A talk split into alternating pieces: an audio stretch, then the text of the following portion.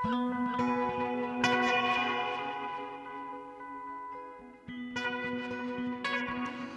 sæl og blessuð. Við sjá heilsar ykkur á getu hlustendur úr Vesturbæ.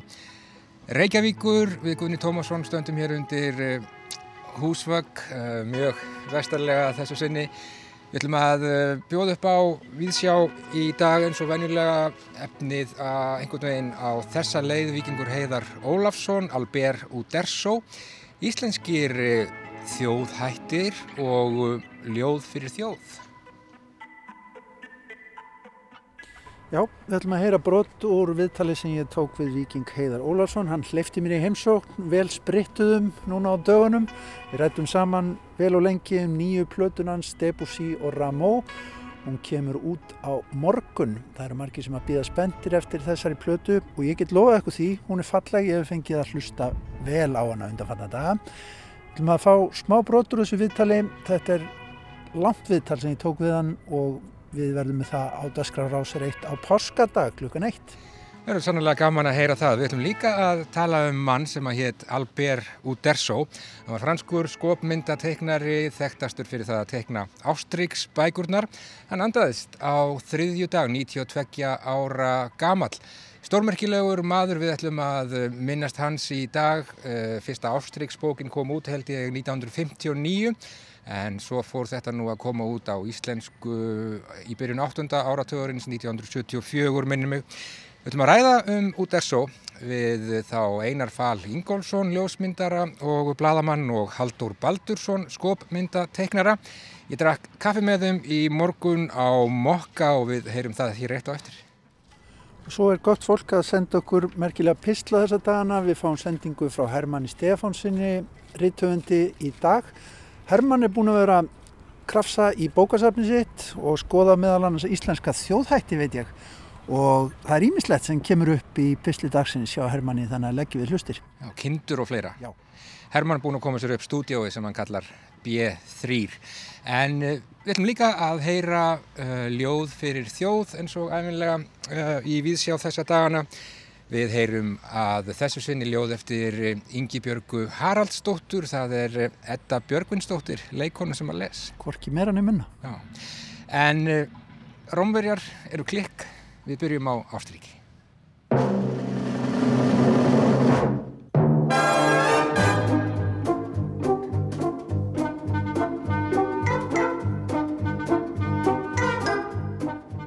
Já, ég er komin í uh, morgun kaffi hérna niður á mokka við skólavörðustíg.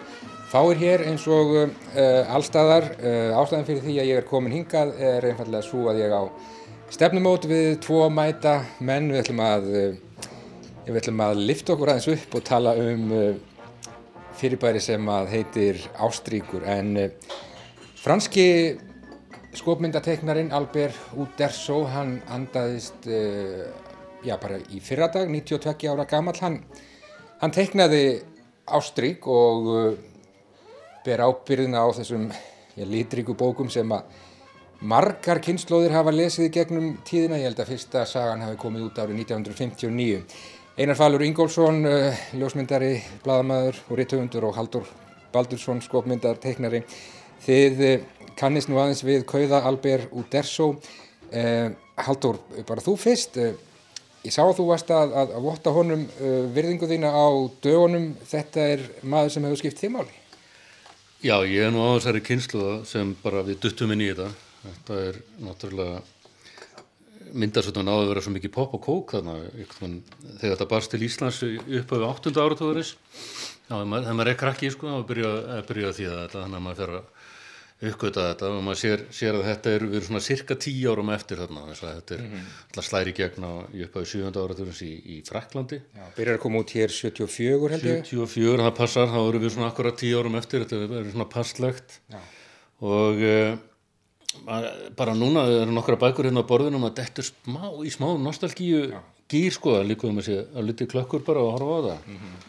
Hvað hérna, hvað var svona merkilegt við hann sem, sem teiknar, svona, ef ég spyrir þig sem svona fagmann? Það er nokkur sem að gera sér ekki grein fyrir þegar maður er nefnilega sko 8, 9 ára, 10 ára, 12 ára sko. En þegar maður skoðar hann í dag þá er, er hann sko nokkri hluti sem eru áhugaverði við hann. Það er allir þessi kúluform hérna sem hann teiknar hann er bara Obelix sjálfur sem er eins og kúla. Og við sjá- sjáum hvað hann dregur þetta miklu, miklu öryggi. Og ég var nú hérna þetta, ég stundu verið meiri svona morrismadur sko, þannig að þetta svona meiri léttleiki í línunni hjá honum eða svona meiri svona, svona frelsi í línunni skulle frekar segja sko, en þetta dreigja miklu öryggi og ég tek eftir því þegar ég hérna, skoða hann á YouTube, ég hann stundum að skoða teiknar á YouTube. Og þannig hann hafði gott laga að nota yfirhandargripið sem er hérna galdra hérna bragð teiknara. Og ég reynir nú að kenna mínum nefndu því ég er að kenna teiknum Hvað er það nákvæmlega? Ég, það þegar þú heldur og sko nú er ég með teskið hérna sem hérna, áheyrindu sjá ekki það þú heldur svona. Þá ertu með sko blíjandinn undir uh, lóanum sko. Já, og, og fjóra fingur síðan á, á örum og þumalinn hinum en ég reynið bara að gera Yfir- þetta yfirhandargrip. lýsingu. Ekki Lústund. notað, sko, nærðu þessari kurvu og við förum í gegnum sko þessar teikningar allar. Að það var svo mikla kurvur alltaf sko og, og nema í fyrstu bókunum sem voru alltaf óþúlandi og maður sá þannig líka þegar maður var bara í, í þá daga það þess að allra fyrstu bækur og sérstaklega fyrsta bókin hún, þá er hann ekki búin að þróa þessa Nei.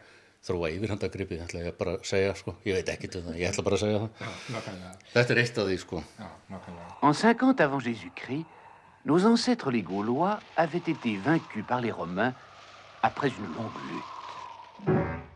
Eh, Einar Falur, þú sagðir á Facebook í gær held ég bara að eh, já, með Uderso væri eh, farin síðasti risin í eh, meistaradeild evróskrar teiknumynda sögu gerðar. Þú kynntist Ástriki ungur.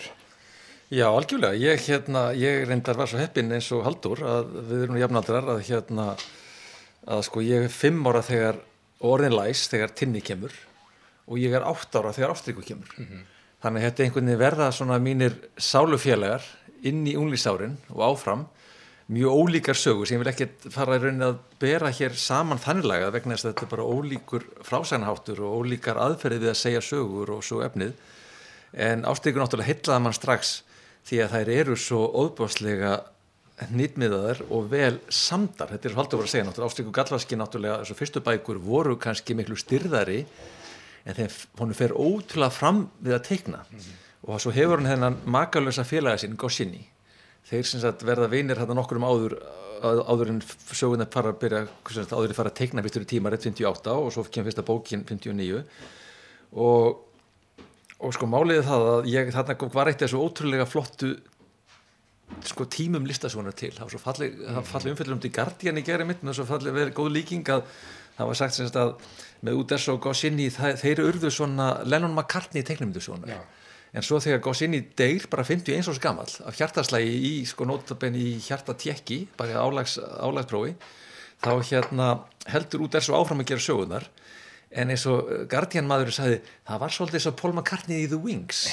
Það var ekki sama sko, það var ekki sami kjarnins, ekki sama flugið. Þótt að bækunar held að koma áfram og svo reyndar er bara eitthvað rúm 15 ár síðan hann seldi raunin réttin og aðri teiknar að tekið við keflinu, það er 38 í allt held ég en þetta er bara eitthvað svo ótrúlega kjarnins sem var til á þessum 18 árum sem þessi tveiri menn vinna saman. Nákvæmlega.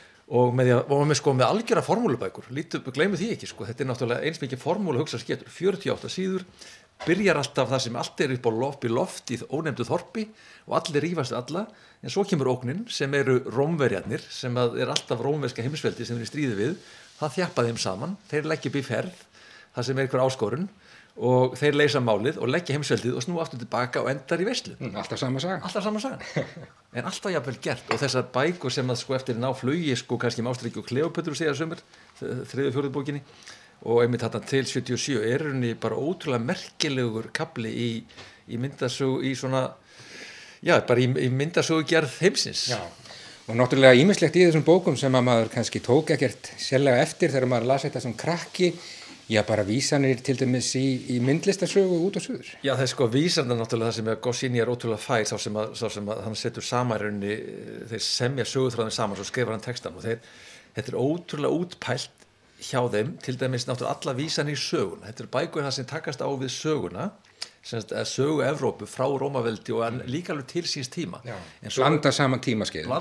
en svo er líkil atriði sem má ekki gleyma að þessi saga, þessar sögur fjalla líka um ansbyrnurhefingunni í Fraklandi í setni heimstyrjöldinni, Já. sem er algjörð líkil atriði og þeir töluðu báður um það fyrir þeim er þorpið ansbyrnurhefingin og heimsveldið er Þískaland og það er mjög aðtilsett í öllum þessum bókum sem þið gera líka til dæmis þegar sem Ástríkur og Streiniríkur fara út um Evrópu, jafnvel til Egyptalands þá einmitt vinnar alltaf með fólki sem er að berjast gegn rómverska heimsveldinu Já.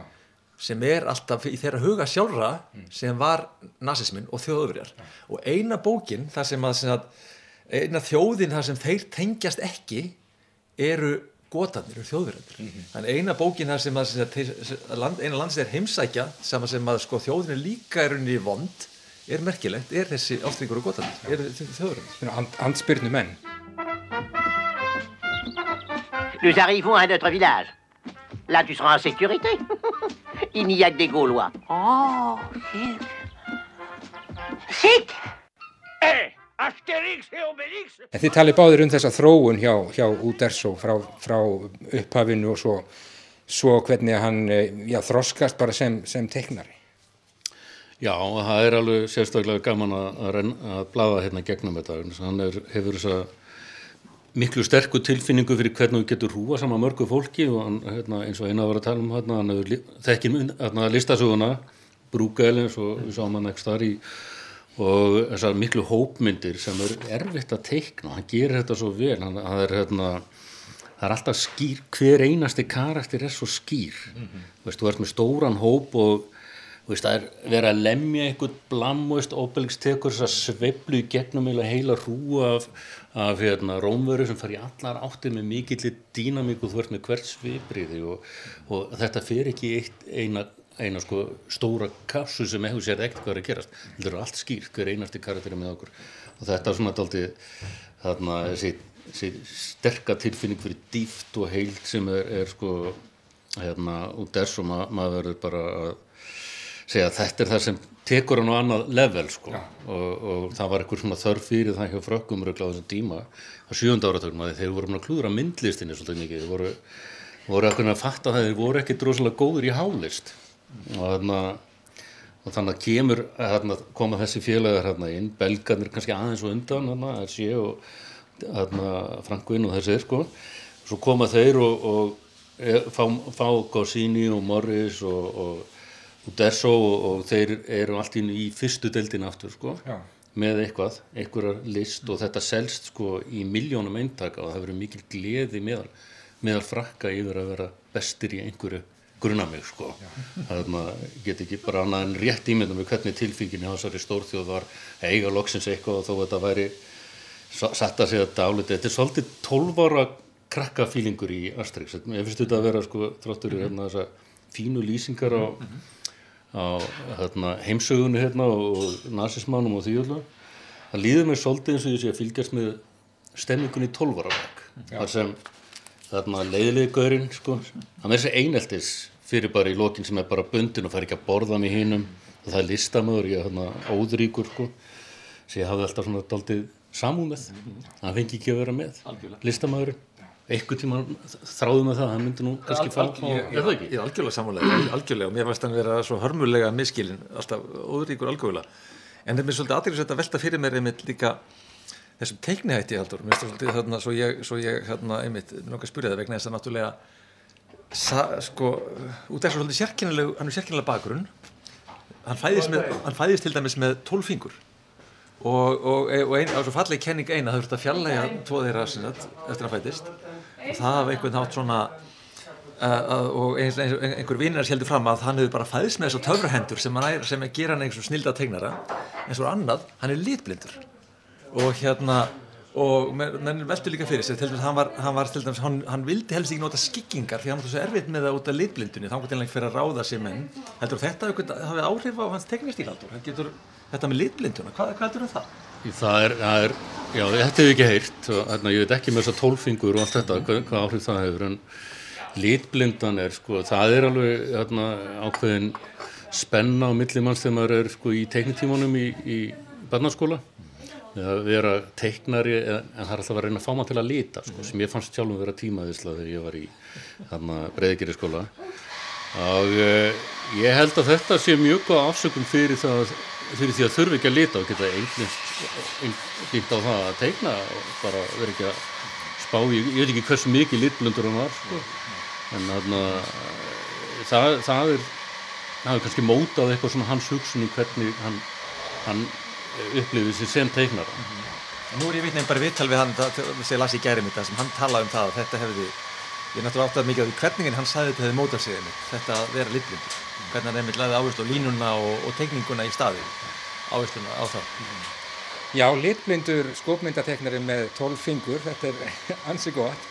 Uh, og eins og þið segi þá, þá eru margar hérna, það eru margar vittir í þessum þessum bókum, þið eru nú alla enn að lesa ástrykjar það?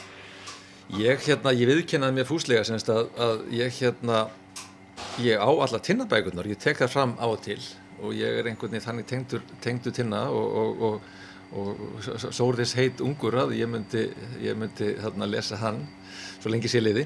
En ástríkur er öðruvísi, ég viðkennaði mér fúslega, ég tek ekki ástrík fram. Eh, er, þessi serialismi þeirra hann er þetta er, eh, þetta er svolítið brandari unglísárana mm -hmm. þetta eru bækur sem hefur mikil áhrif á mig í bensku uh, en, en sko á til þá kannski reks maður á þetta einhver staðar. Maður þekkir þetta allt, maður kann formúluna og ég dáist að því hvernig þetta er gert og ég átti með algjörlega mikilvægi þess en nein, ég, ég, ég les það ekki, ekki ennþá. Hvað segir þú Haldur, ferðu, ferðu innblástur frá, frá Uderso þegar þú ert að gera þínar myndir fyrir frettablaðið? Nei, uh, en sko all góð teikning er þannig að ég horfi bara á hana því síðana og maður eftir sem að læri meira að skilja maður betur af hverju eitthvað er gott. Þess vegna hef ég, hef ég unnað að skoða núna þessar, þessar bækur, ég nenni ekki að lesa þetta. Og ég man að það var eitthvað tíman á þessum aldrei maður verið að vera unlingur að það fannst mér þetta bara vera barnalegt sko. og ég fóð bara yfir í Tardi manni, það kom Byrna Ófræskjan kom út sem gladdi mig mjög, ég býði að það eftir framhaldinu. Og hérna þá tók maður bara eitthvað svona skref frá þessum kultúr kannski. En fagmennskan, hún lifir og hún er reyli og ég get alltaf, alltaf dýft mér ofan í hana þegar ég sé hana. Nákvæmlega, Albert Uderso allur andaðist í fyrra dag 92 eh, ára gammal Síðast í risin í kvartett evróskara teknimynda sagna höfunda segir Einar Fallur Ingólfsson og, og Haldur Baldursson hann kann vel að meta eh, tekningar út þess og ertu búin að gera mynd til morgundaginn? Nei, nei, nei, ég er ekki komin að því að hugsa um það er en það fyrir hátiðið þegar ekki, það getur allt gerst hvað hvað er í fréttum?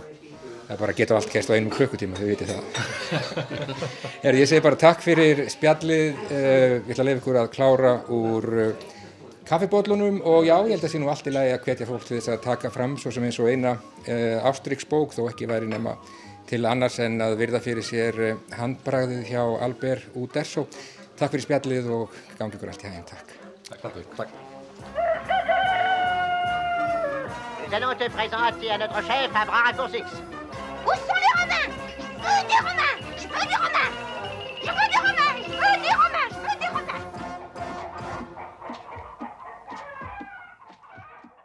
Já, örlítil hljóðmynd úr Gölverjarbæ, ágætis stemning þar. Albert Uderso, teiknarinn góði, allur andaðist 92 ára gamall á þriðudag. Uderso og Goscinny höfundur Ástríks auðvitað einhvers konar Lennon og McCartney teiknimyndasögunar. Einar Falur Ingólfsson og Haldur Baldursson yfir kaffebotla með Eiriki Guðmusinni á Mokka í morgun.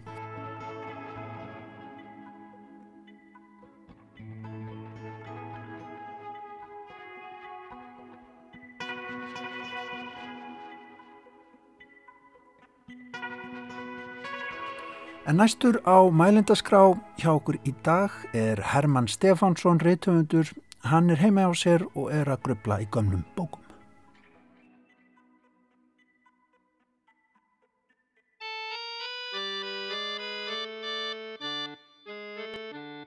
Fyrst ég er á annan bal búin að opna heima hljóðverð fyrir radio. Ég ætla að kalla það Studio B3 eftir götu og götu numeri verði ég aðtuga hljómburðin því talsveitara reglur gilda um talað orð en tónlistina sem ég verið að leika mér að því að taka við upp.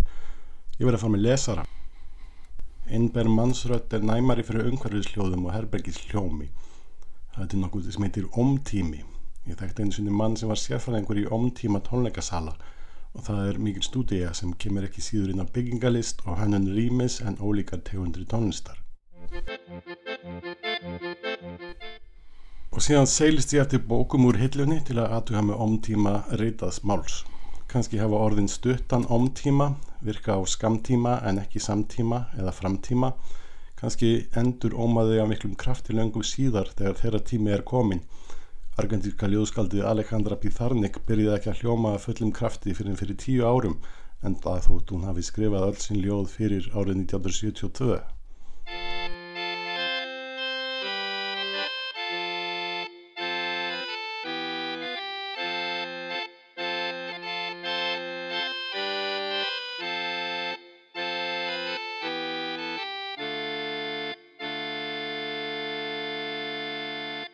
Örugasta ráð til að eyða lús er það að taka lifandi kött og binda hann á bakið að þeim sem þjáist af þeirri óværð og láta hann liggja þar í heila nótt.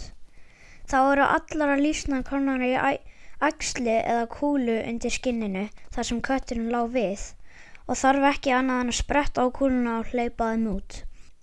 Aðrið segja ekki þurfi annað en að binda snepil af kattarskinni á bakið á þeim lúsasjúka og láta hann hlaupa strípaðan í kringum bæin eða heldur þrísvar í stórriðarveðri. Þá kemur lúsaækslið fram en eftir þessa lækning, lækningu kemur engin lús á mann framar. Það eru allar hreinsaður út úr holdinu.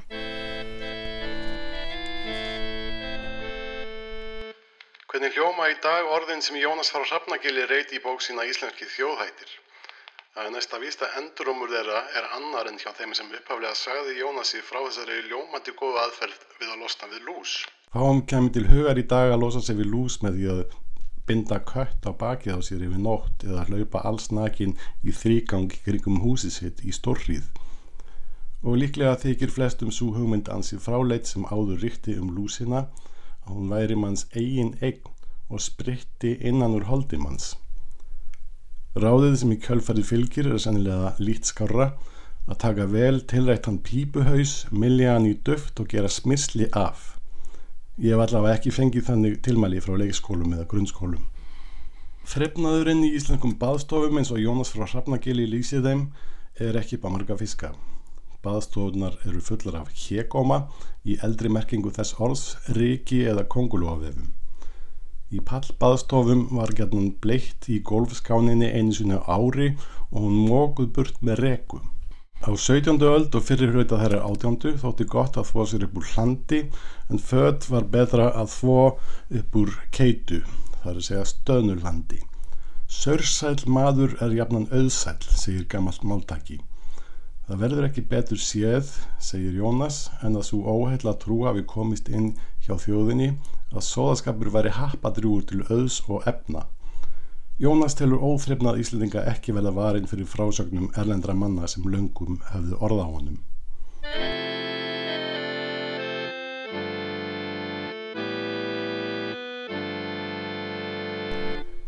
Auðvitað hefði ég gett að tekið annað dæmi en að frónskri lús upp úr þessari merkilegu bók Íslandgum þjóðháttum gerðseminn sem hún er. Út frá efnisgráni er til dæmis hægt að verða stöðfær í tungumáli hrafna, vita hvaða merkir þegar gullar í hrafninum, hvernig hann segir fyrir um veður og hvað krungið í honum merkir yfir leitt. Einhvern tíman hefur gert á sömu leit í bókinni áður í viðleitni minni til að geta átt í lámars samræðin við hrafna og reykjum við þá á hálfkveðna vísu sem ég baða mömmu mína að fletta upp í gangandi minnisbanka þess tíma Haldóri Kristjánsinni frá kirkjubóli. Vísan reyndist vera svona. Þessi penni þóknast mér því hann er úr hafni. Hann hefur skorið geira grér, gullaugur að nafni. Nú er vísan komið á netið og minni okkar er verra. Einhver merkilegsti ströymurinn í alþjóðlegum vísundum í dag eru hugmyndin um genetist minni. Samkvæmt henni geimast lönguleginir atbyrður í frumunum og erfast. Þetta merkir að afkvæmið músa sem hafa verið þjálfaður í að forðast ákveðna lykt erfa þá þekkingu. Hjá mönnum sést þetta best á tráma. Barð sem á sig forföður sem voru í útrymingabúðum nazista erfir afleðingar þess tráma á heilafrimutnar. Jafnvel þótt að hafa verið aðskilið frá fórundurinsinu frá fæðingu og aldrei heyrt neina sögur. Ef maður yfirfæri þetta á svolítið glannaskap merkir það að ákveðin hópur fólks, segjum bara Íslendingar, veit vegna reynslu gengina kynnslóða hvernig á að skrafa við hafna og veit að það hefur ekkert upp á sig að hlaupa berstrýpaður í kringum húsið með skinnpjöllu af ketti á bakinu til að losna við lús. Það þarf engin að segja þeim það. Eða svo við tökum raunsæri dæmi. Bókin Kindasögur eftir þá Aðalstein Eithórsson og Guðjón Ragnar Jónasson kom út fyrir jólin og seldist mikið. Ég held reyndar á stór hluti skýringarinnar sé svo að þetta er góð bók. Hún er skrifið á sérlega auðugum máli, efnistökin eru frjó og skemmtileg, víða er komið við og sögur af útigangsrossum og villifíu eru einfallega áhugahaldar. Í ingangsorðum bókarinnar segir Sögur að söðkindinni eru kannski ekki á alla vörum lengur en það fækkar þeim óðum sem umgangast reglulega þessa merkilegu skeppni. Fyrir flesta Íslandinga er söðfið ekki lengur hverstarslegt. Kindur eru orðnara hálgerðum hulduverum sem við, sem við sjáum stöku sinnum bræða fyrir út um bílklöka. Fyrir vikið kunna kindasögur að vekja forvitni og áhuga ekki síður en vinn vinsælar förðusögur og fantasíur.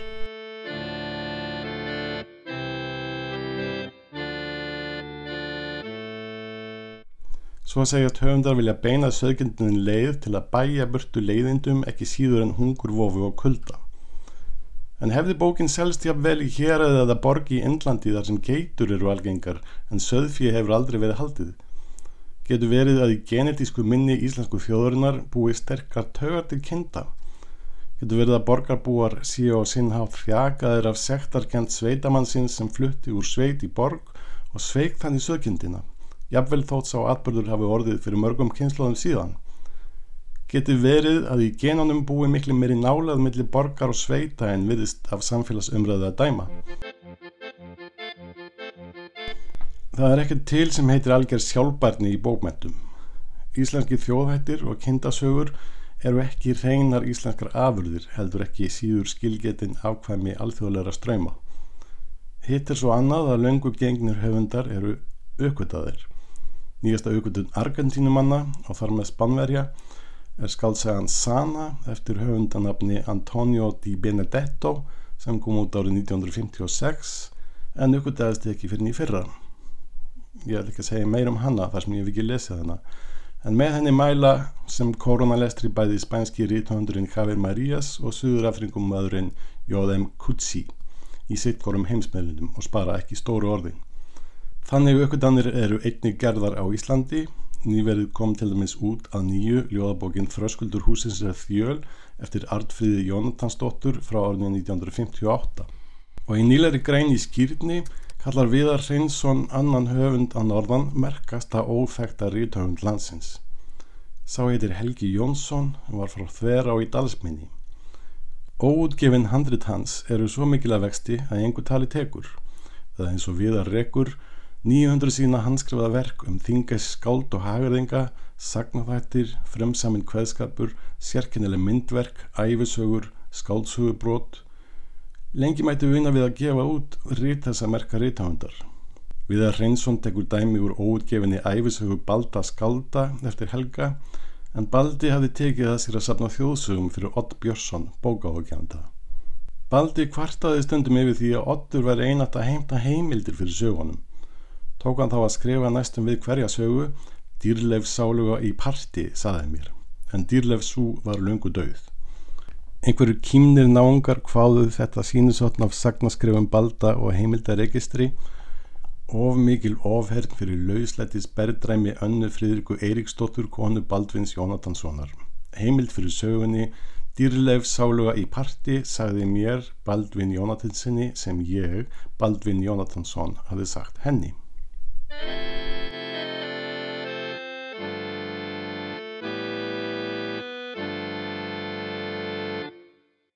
Helgi Jónsson gaf bara út eina bókum dagana, bókum Látarbyrgu, vonandi gleður einhvern að önnur að því að endur útgefa þessa bók. Á dögunum rendi ég við nokkur handrit Helga á héraskjálasafni Norðurlands. Mannlýsingar Helga eru einstakar. Ég hripaði hjá mér nokkra frásögur. Einn fjallar um Jón nokkurn Eiríksson, föður Helga. Jón þessi var stálminnugur, bjóði yfir minnistækni sem eru löngu glötuð en var raunveruleg. Hann mundi stólræður pressins orð fyrir orð eftir hvert sunnudag og var stórnexlaður á börnum sínum fyrir að hafa ekki sama minni. Hann spurði dóttur sína, steinunni, eitt sinn út í stólræðu pressins og varð undrandið þegar dótturinn, barnaðaldri, kunni hann ekki orð fyrir orð eftir eina hlustum. Hann varð á orði, ósköp er að vita að þú skildir verða þessi aumingi barn. Eða hver ætli sé ómtími bóka? Hvernig hljómaðu í dag orðinum minnisleysi dótturinnar? Er ekki hrein ósköp að vita hvað við erum öll miklir aumingar og munum ekki neitt?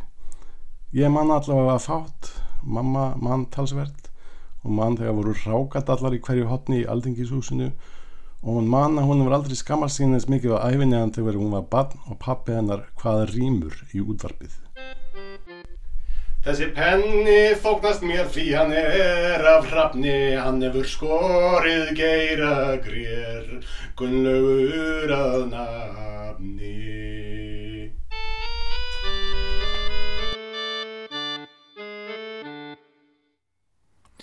Herman Stefánsson rítumundur send okkur þennan pistil, hann var á þjóðlögunótunum heima hjá sér fyrir okkur hér í Víðsjá á fymtu degi.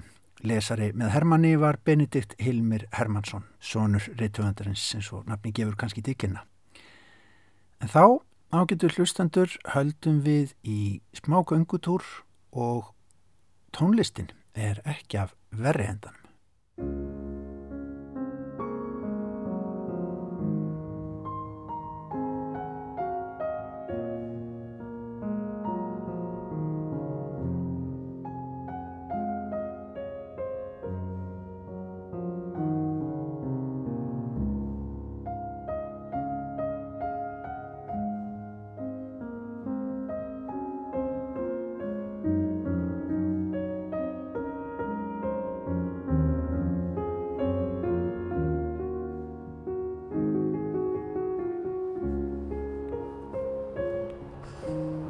Það er ekki hægt að segja annað en að göngutúrarnir hafi aldrei aldrei í manni lífinu þessa síðustu daga. Jú, maður sittur heima allan daginn við tölvu og byrjir til útvarp. En göngutúrarnir síðustu kvöld hafa verið förðulegir. Gær kvöldi fór ég í miðbæinn og þar var allt lokað, örfáar hræður og ferli. Nú er ég á háskólasvæðinu veðrið er fallegt, sólinn skín svona inn á millið að minnstakosti eins og við hefum að venjast. En göngutúrarnir hjá mér undanfannan dag hafa lítast af öðru. Ég hef jú verið með tónlist í eironum sem er tónlist sem er að koma út á morgun. Nýja platanans Víkings Heiðars Ólafssonar Debussy og Ramón verk eftir þessi frönsku tónskáld. Einn fættur á 19. öldinni, deyra á þeirri 20. hinn barokkmaður talast saman yfir aldinnar og þannig er rauninni þrýr samtíma menn okkar að tala saman. Þannig lítur vikingur heiðara að minnst eitthvað staða ég settist niður með vikingi og fekk hann til þess að segja mér frá nýju blötunni til að heyra smá glefsu úr því viðtali núna í Víðsjá. Hér er hann að leika fyrir okkur tónlist sem hann útsetti sjálfur og kallar upp á ennsku Arts and the Hours eftir tónlist Jean-Philippe Rameau. Útsetning úr óperum, einn af fjölmörgum óperum tónskálsins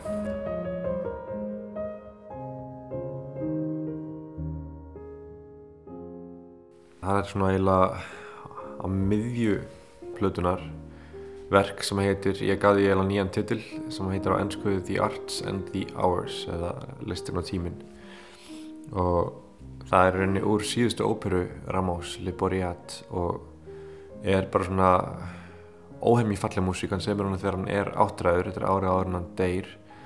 Og þetta er, í verkinu er þetta svona eins og einhvers konar millikabli hljómsdurinnar og það er bara eitthvað svona ótrúleg stemning þarna sko, þetta hefði geta verið samið öðvöldlega undir lok 19. aldar en ekki miði 18. öld algjörlega tímalöst og bara eitthvað svona hljómræn fegur og einhverju svona laglínu sem kallast á og eru fullar af einhverju svona þrá og löngun og, og samt eitthvað svona algjör kyrð þú veist það var svo sérstætt, það er með einhverju svona, svona nostalgísk þrá, skulum við kalla sko. Þetta er svona, það er samt svona einhver sátt í þessu.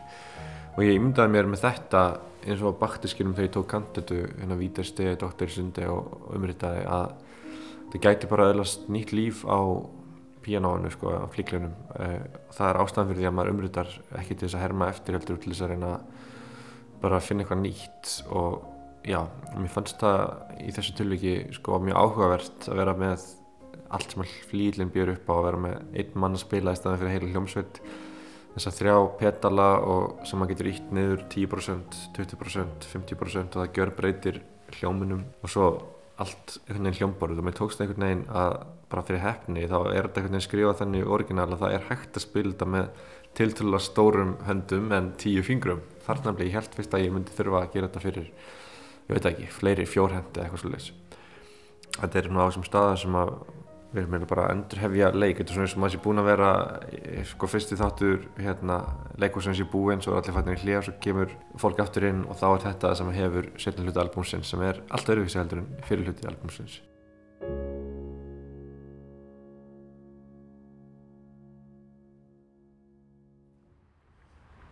En við skulum heyra fyrst það hvernig platan hefst hjá Vikingi. Þetta er fyrsta verkið á henni.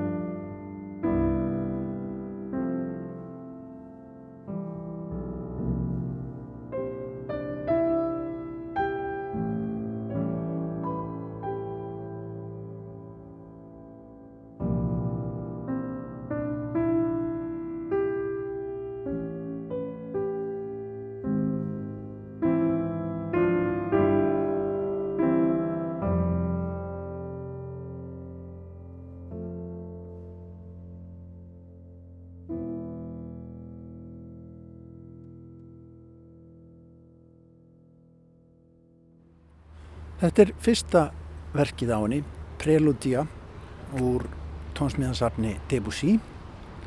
Víkingur lísti fyrir mér hugmyndum sínum að baki því að skeita þeim saman þessum tveimur tónskallum. Sko, mér finnst skipta svo miklu máli þegar maður byrjar albúm að það sé eitthvað svona kannski eitthvað svolítið óvænt element í því og þegar ég er að raða upp þessum albúmum þá tekur það mig alveg bara marga vikur mánuði. E, ég með kannski 10-15 ólíka svona playlista sem ég bý til e, bara Spotify sem ég er að leika mér með ólíkar útfarsljóður því að albúmi bara fær allt aðra merkingu eftir hvernig þú raði því upp. Þetta er samtala tenging á milli Debussy sem var það sem við kallum impersonisti og svo Jean-Philippe Rameau sem fættist tveimur árum á undan Bach 1683 og, og lést hvað var það aftur, ég manna ekki, hann varð ansi gamal sko, hann varð 81 ás og þannig að þetta er svona samtala á milli þeirra því ég upplifið svo rosalega sterkan þráð á milli þessara manna og Debussy gerði það svo sannlega líka. Við veitum minna um hvað Rameau fannst um Debussy að þar sem að hann, hann dónu hann að uh, einhverjum, einhverjum hundra árum áður en Debussy fæðist. En þetta eru tveir menn sem að tengjast einhverjum svona ótrúlegum böndum og eftir því sem ég fór að kafa dýbra án í þetta verka þessara begja manna, tvekja, tvekja manna þá einhvern veginn fannst mér bara verða bara, bara bræður. Finna þræðina á millesara tónskálda, lenda og ljósa finna hvernig verkin geta kallast á reyna alltaf að fylgja eftir verki annars tónskáldsins með einhverju sem að kallast á við að beint hjá hinnu þannig að það verður myndir svona brú, tímabrú á milli. Þetta á að vera svolítið svona eins og samtal á milli þeirra að tvekja þessi, þetta ómögulega samtal sem aldrei varð í raun þannig að eitt segir eitthvað á hinn hlustar og svo líkur þessi máli sín og þá tekur hinn við og tekur þessa hugsun áfram. Þetta er svo gott samtal, það kemur ekki einhver svona þvert á með eitthvað allt annað. Og já þarna er verk nummið tvö er Samtal fugglana eftir Rameau og það er eiginlega fyrsta verkið eftir Rameau sem ég bara, bara heyrði. Það heyri svona hérna smá fugglasengur í bakgrunn ég veit ekki hvort það næst inn á upptökuna voru að koma á Íslandi. Þetta verk er svolítið eins og tveir fugglar, einn í hægri hendi og hinn í vinstri hendi og þeir einhvern veginn eru í svo stórkostlegu samtali, það er sko einn, einn blýstar eitthvað og hinn hermir eftir. Þetta er svona, svona recall, þetta er svona echo svolítið, bergmáls, bergmálsfugglar svolítið. Og, og þetta er futuristist verk að einhverju leiti sko, það byrjar bara á einhvern veginn emól og kvílir bara í honum og þarf ekki að fara úr þessum emól hljómi bara, og er bara kanna blæbriðin inn í honum. Fugglunar eru bara kjurrir á einhverju grein og þeir bara kallast á og svo stökkaður næstu grein hljómurum berðist aðeins og dvelja þar í heilangan tíma. Og þetta er svolítið það sem að Debussy átti eftir að gera hundra og eitthvað árum síðar. Uh, taka bara hljóm fyrir hljómsins sagir og bara kanna litbreyði inn í hljómnum og hvað maður getur fyndið mikil líf og hvað mikil merking er í rauninni bara í hljómunum einum og sér.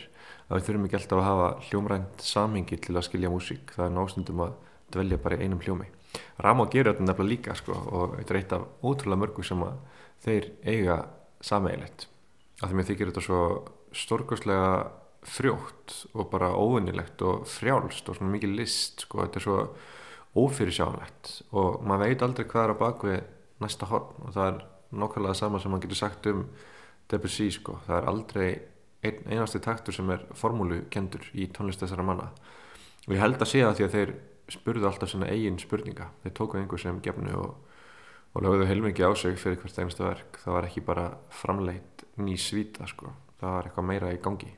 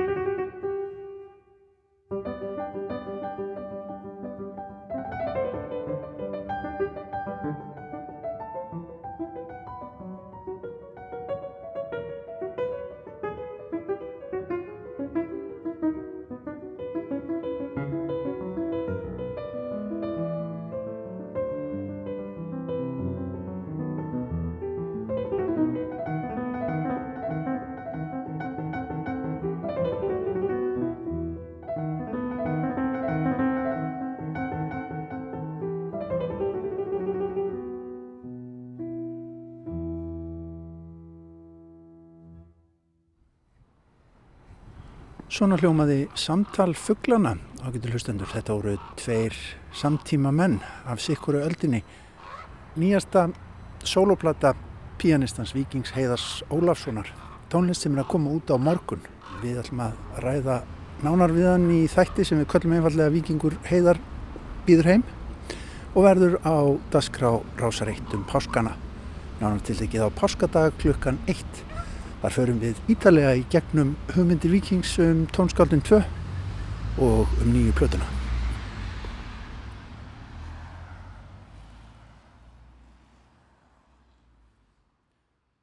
Ágæti leikúsgestur Solborg Alda Pétursdóttir verðu hjartanlega velkomin í þjóðleikúsið. Vinsamlegast slögtu á farsímanum þó að ljós frá honum trubli ekki aðra gesti. Góða skemmtun.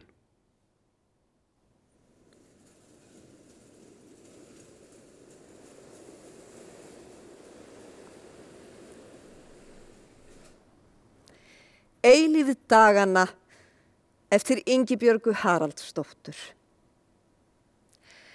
Ekkert hefur gerst nema þetta. Að jörðin dansar meðal stjarnar í bláu myrkri. Maurar ferðast áttvissir um solbakaðar hellur. Hani galar. Bífluga söðar við blómrunn. Maður býður góðan dag. Útvarpið flytur fréttir um nálæg og fjarlægð stríð. Kona geispar við opin glugga. Vassfötu er sökt í brunn. Ekkert hefur gerst. Menn ferðast áttaviltir um yfirborði jarðar og kremja maura undir fótum sér. Í skugga mangótrésins sit ég og eldist.